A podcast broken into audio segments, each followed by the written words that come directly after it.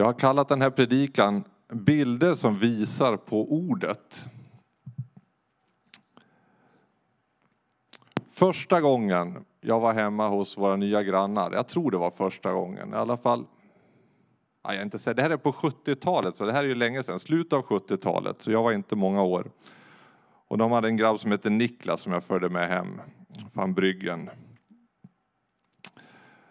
Och vi gick upp på övervåningen och där var den, tavlan. Då var den mycket gulare, den stod på ett staffli och Frans hade målat undermålningen. Så det var liksom det gula som syntes mest. Under några veckor så följde den där hur den färdigställdes och två andra tavlor också, men det här var den första jag såg. Det här kan vara ett av mitt livs starkaste konstminnen jag har. Den här har jag funderat på av och till under åren som har gått sedan dess. Sen har vi de här två andra bilderna.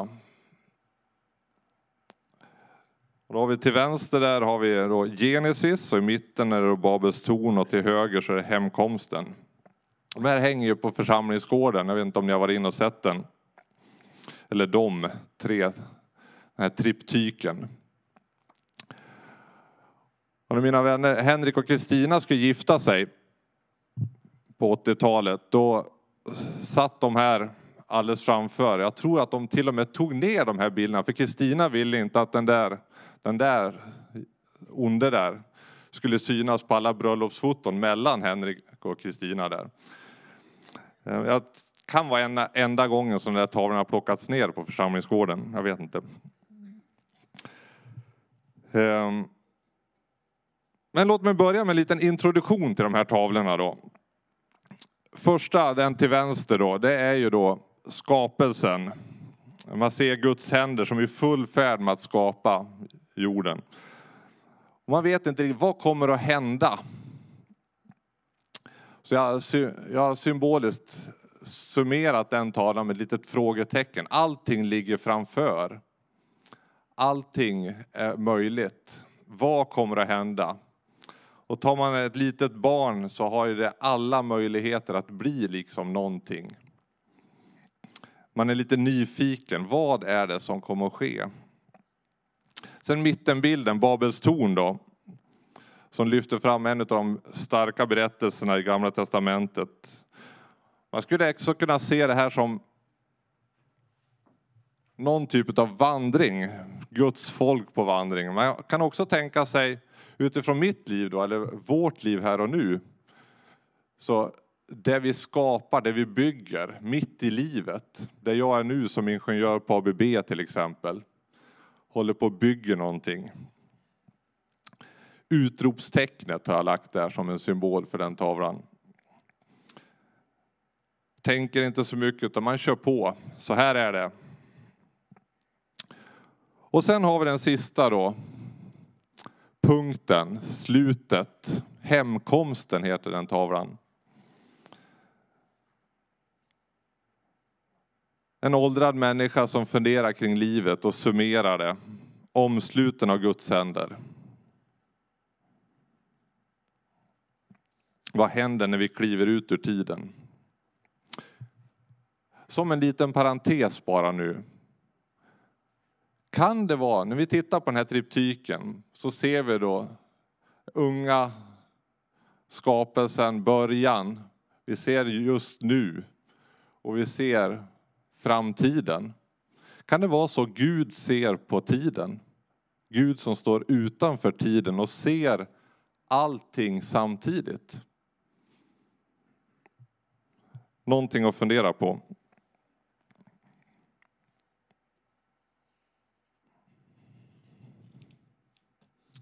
En femtedel av predikan klar nu. Ja. Ska vi ta Genesis först då och gå in i den lite mer. Gud skapar universum ur intet.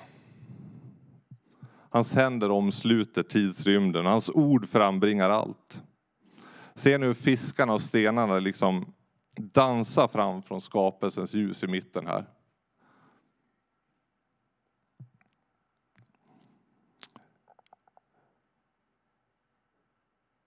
I Johannes 1 och 1 ska jag läsa några, det här är några av mina favoritversar.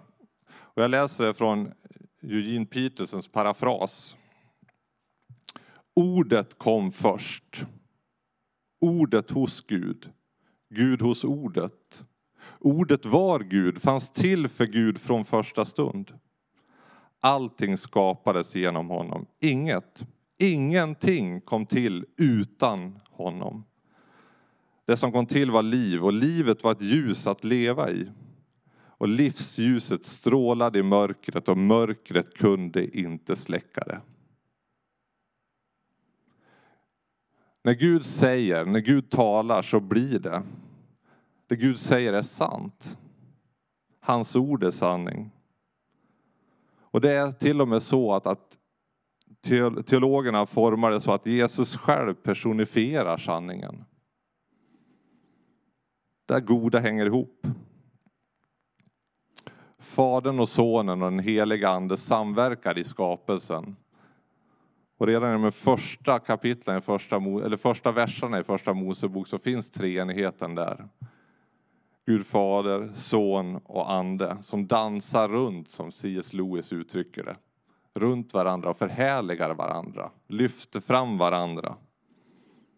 Bekräftar varandra. Och det har de gjort innan tiden skapades. Och så inser Gud, de tre tillsammans, som är fulla av relationer, att de vill mer relationer och skapar universum och människan. Och Gud uttalar ord och universum kommer till.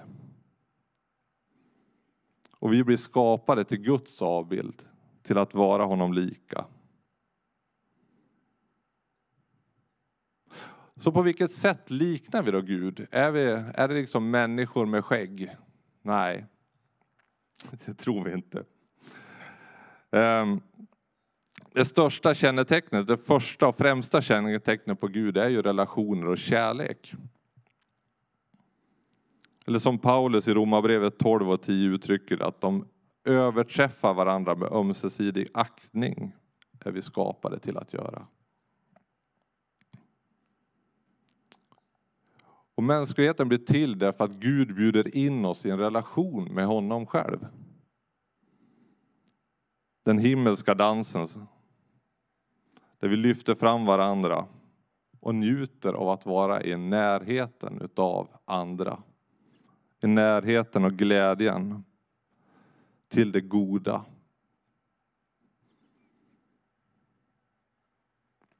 Jesus personifierar ju sanningen. Och han väljer att, att bli en människa. Han växer upp och lever som sann människa som det var tänkt att vi skulle leva innan vi kröktes in i oss själva.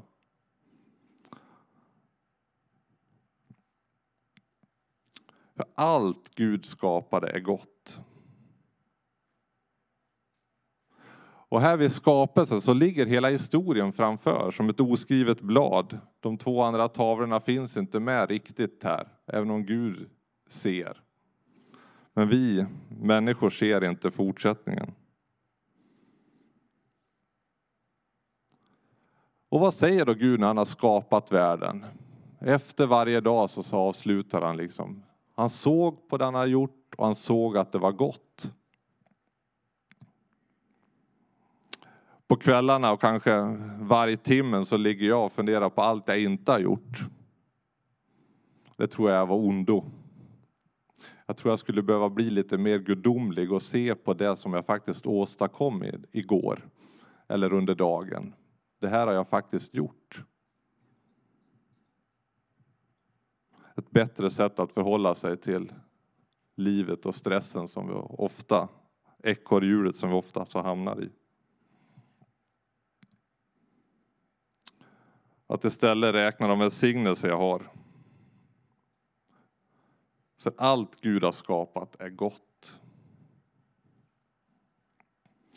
I skapelsen så blir vi satta, vi människor blir satta till att vårda skapelsen.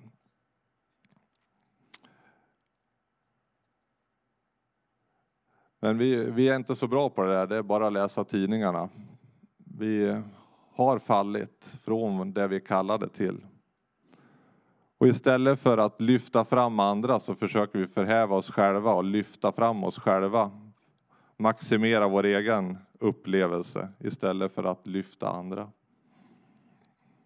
Augustinus kallar det här vår inkrökthet, eller vårt syndafall, att vi kröker oss in mot oss själva.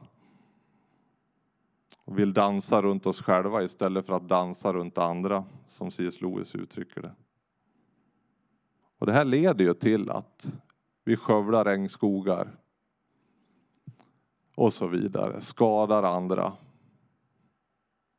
Vår inkrökthet mot oss själva.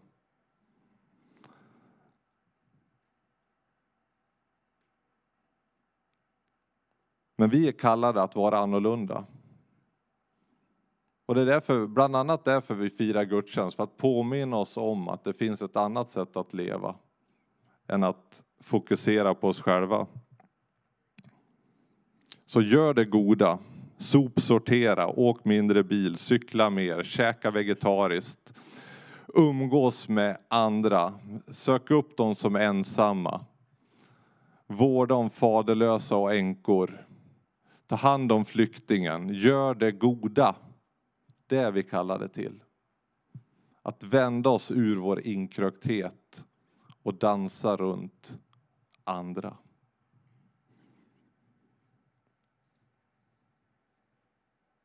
Fortsätt vara nyfiken. Var den här dagen är i beredskap? Hur kan jag idag bli mer sann, mer kärleksfull och god? Nyfikenheten. Livsljuset, livsljuset strålade i mörkret och mörkret kunde inte släcka det.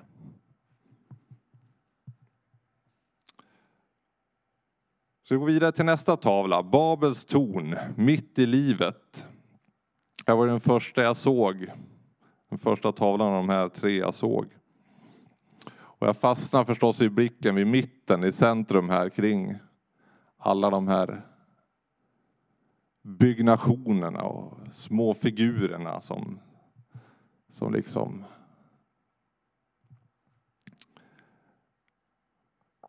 Och sen, kom sen faller ju blicken väldigt snabbt ner på den där onde där nere. Då får vi ta nästa bild. Den där som Kristina inte vill ha mellan sig och Henrik på bröllopsfotona. Och det är så lätt att vi ser att där det onda är så stort.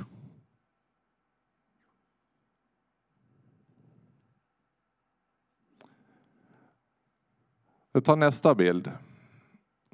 Det är så lätt att man ser den onda där nere i hörnet och fokuserar på det. Och det dröjde, det dröjde länge Frans innan jag såg att det är två händer på den här bilden. Och då ser man hur liten den onde är i förhållande till Gud. Mindre än en mygga som skulle kunna knäppas sönder av honom som spänner ut himlavalvet med sina fingrar.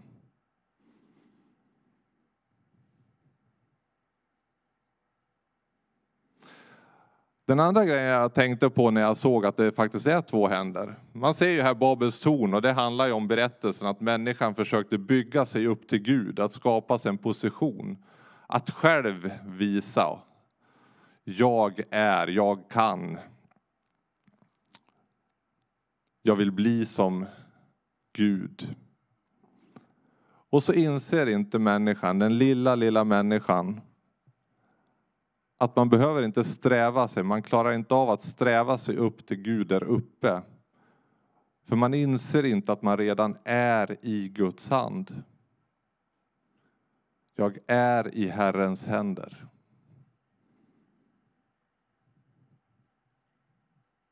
För Gud är för stor, vi ser honom inte.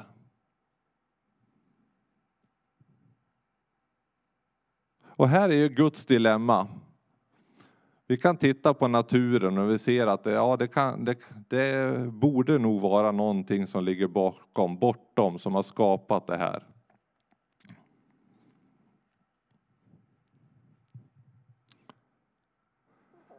Men hur ska Gud kunna få kontakt med oss små människor och visa vem han är?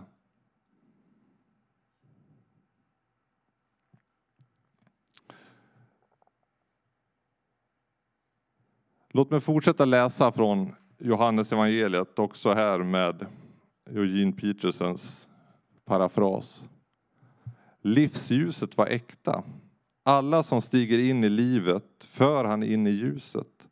Nu fanns han i världen och världen fanns till tack vare honom, men världen märkte det inte ens. Han kom till sitt eget folk, men de ville inte veta av honom. Men alla som ville veta av honom, som trodde att han var den han sa och ville göra som han sa, de lät han finna sina sanna jag och upptäcka att de var Guds barn. Så för att visa vem Gud var så gör han som han gör. Juldagsmorgon så föds han som ett litet barn för att vi ska kunna få syn på honom.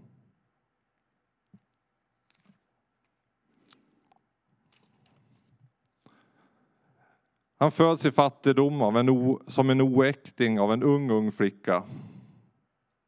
Med en jordisk far som måste övertygas av en gudomlig dröm att fortsätta relationen med Maria. Trots den skammen. Familjen tvingas till landsflykt undan ett massmord av gossebarn eftersom makten i landet såg sig hotat. Och Jesus växte senare upp på en liten ort i Nasaret och får jobba som snickare. Josef dör tidigt enligt traditionen. Och troligtvis får Jesus då försörja familjen ända till han är uppe i 30-årsåldern. Och sen under tre år så ger han sig ut på vägarna och förkunnar. Och förkunnar Guds rike som har en som en programförklaring. Vi tar nästa bild. Han har smort mig till att frambära ett glädjebud till de fattiga. Han har sänt mig att förkunna befrielse för de fångna, syn för de blinda, att ge de förtryckta frihet och förkunna ett nådens år från Herren.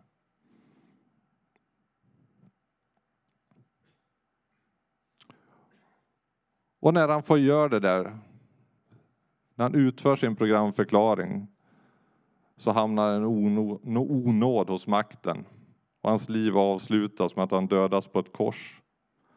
Föraktad och hånad av makten. Och ett justitiemord där han inför slakten är tyst och inte försvarar sig utan låter det ske. Så väljer Gud, han som spänner ut universum, att visa sig för oss. Och kortsiktigt, just på korset, när han upphäver andan, så är det som om mörkret har vunnit. Att Jesus låter det onda segra. Men så är det inte. För Gud besegrar det onda med det goda.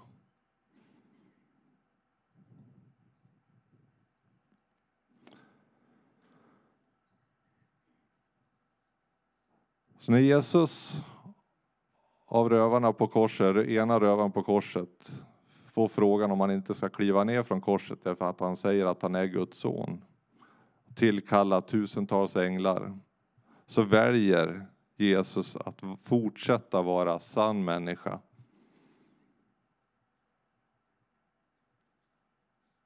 Trots att det skulle räcka med att han slog ihop nävarna lite grann så, så försvann det onda.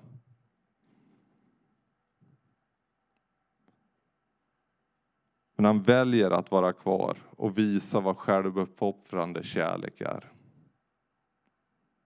Sån är Gud. Och så vill han att vi ska vara. Fyllda av kärlek, att vi inte håller på vårt utan lyfter fram andra. Att övervinna det onda med det goda.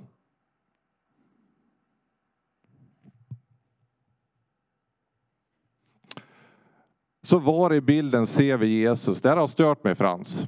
Att man inte ser Jesus. Ända till jag insåg det här. Att Leo Tolstoj skriver om det här. Ni känner väl till Leo Tolstojs fantastiska berättelse om pappa Panov. Den där skomakaren, strävsamma skomakaren som eh, får en dröm en natt att imorgon kommer du att få möta Jesus. Och Leo Tolstoj berättar om skomakaren då som ja, vaknar upp på morgonen efter drömmen och äntligen, idag ska jag få möta Jesus. Och han möter olika människor under dagen men Nej, det är de vanliga människorna och några nya människor och sådär men nej, inte kom Jesus. Han är besviken och lägger sig och sova.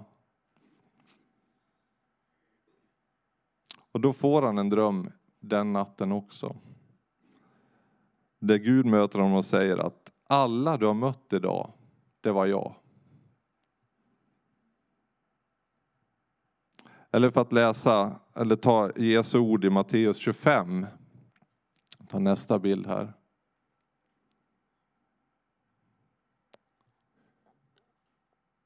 Så får ni texten också. Nu har det låst sig där bak.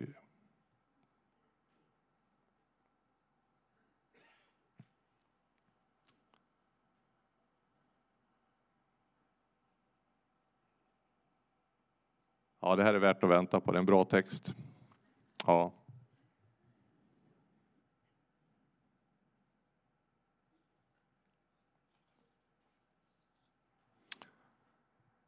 får ni bläddra fram många bilder där. Det är låst helt och hållet. Då får ni göra, ni som har biblarna med, får ni slå upp Matteus 25. I slutet där, nu kan jag inte vilken vers det är. Herre, när såg vi dig hungrig och gav dig mat? Eller törstig och gav dig att dricka? När såg vi dig hemlös och tog hand om dig? Eller naken och gav dig kläder? När såg vi dig sjuk eller i fängelse och besökte dig? då ska kungen svara dem. Sannerligen, vad ni har gjort för någon av dessa mina minsta som är mina bröder, det har ni gjort för mig. När vi möter en annan människa så möter vi Gud samtidigt. På det sätt vi bemöter andra människor visar hur vi bemöter Gud. Så upplever Gud i alla fall.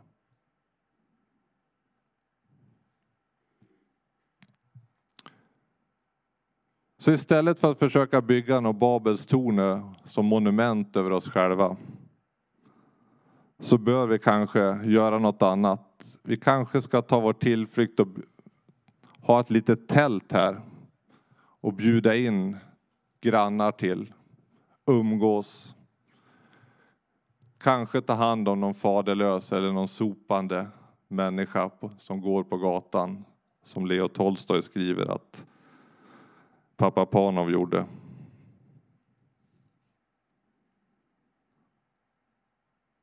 Låt oss försöka leva som Jesus och försöka ingå i Guds dans som bryter bojor, hela sår och lyfter fram andra i kärlek. Så har vi kommit till den sista tavlan. Hemkomsten. Har det låst sig igen nu? Ja. Medan de håller på att svettas där bak så tror jag ni kommer ihåg bilden. Den här gamla kvinnan eller mannen. Som jag har valt att symbolisera med punkt. Eller är det glädje bakom handen där? Man tänker först att det är ett sorgset ansikte, för vi är ju så vana att se ålderdomen som liksom det där jobbiga. Dit man inte vill. Men jag, jag tycker nog nästan att det är ett leende bakom handen där. Ett förnöjt leende, ett glatt leende som tittar tillbaks på livet den här bilden Frans har hjälpt mig att se det, det gamla och ärrade som något vackert.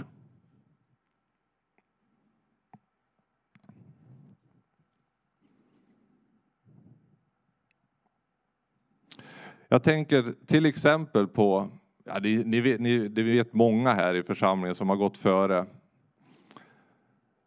Ingemar Birkehag eller Karin Hall till exempel som i slutet av sin levnad så kunde hon fortfarande namnen på alla barnen här i kyrkan. Troligtvis för att hon bad för dem varje dag. Nämnde dem vid namn. Hon var inte riktigt så där ärrad och fårad, men nästan. Och eh, I begravningen så berättade hennes syskonbarn att hon åkte spark med Karin Halp. Eh, hon måste ha varit över 80 år, Karin då. Ner från Ludvika gård ner mot förbi Lillkyrkan där. Och Karin hon hade skrattat liksom när hon åkte spark och det gick fort så där. Så vill jag också åldras. Ett liv levt väl som sätter punkt. Men jag tror inte det där är slutet riktigt, riktigt. Vi tar nästa bild. Hoppas vi att det fungerar att byta. Ser ni det där lilla nyckelhålet där? Den lilla blå figuren försvinner in i. Jag tror egentligen inte att det här är slutet eller punkten utan det här är kommat skulle jag vilja ha det här till.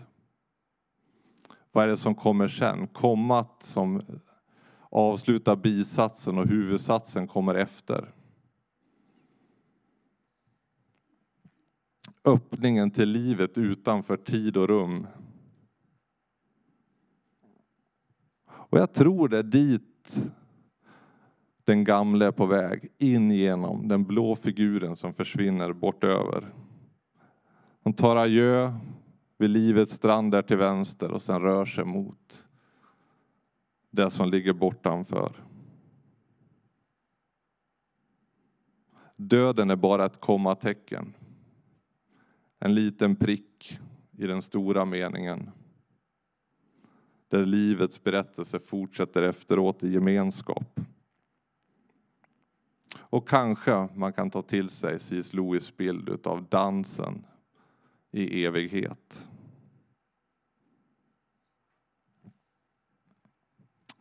Så, för att summera. Nu har jag kommit till slutet av min predikan. Vi är skapade för att leva i en kärleksfull relation med Gud. Att ingå i den kosmiska dansen där vi hela tiden lyfter fram andra och ser det goda, gör det goda. Och funderar på hur vi kan bli och leva mer kärleksfullt, mer likt Gud. Att fortsätta vara nyfikna på livet. För allt Gud har skapat är gott.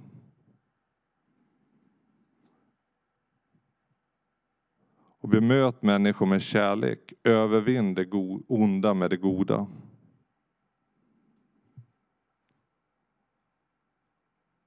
Och att det finns ett kommatecken en gång då vi får gå in i huvudsatsen, i meningen.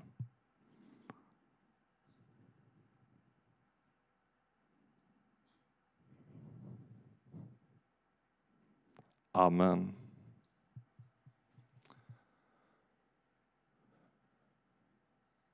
Tack Gud att du har skapat världen så övermåttan underbart. Oss alla. Hjälp oss här att överträffa varandra i ömsesidig aktning. Lyfta fram varandra, se varandra stötta varandra.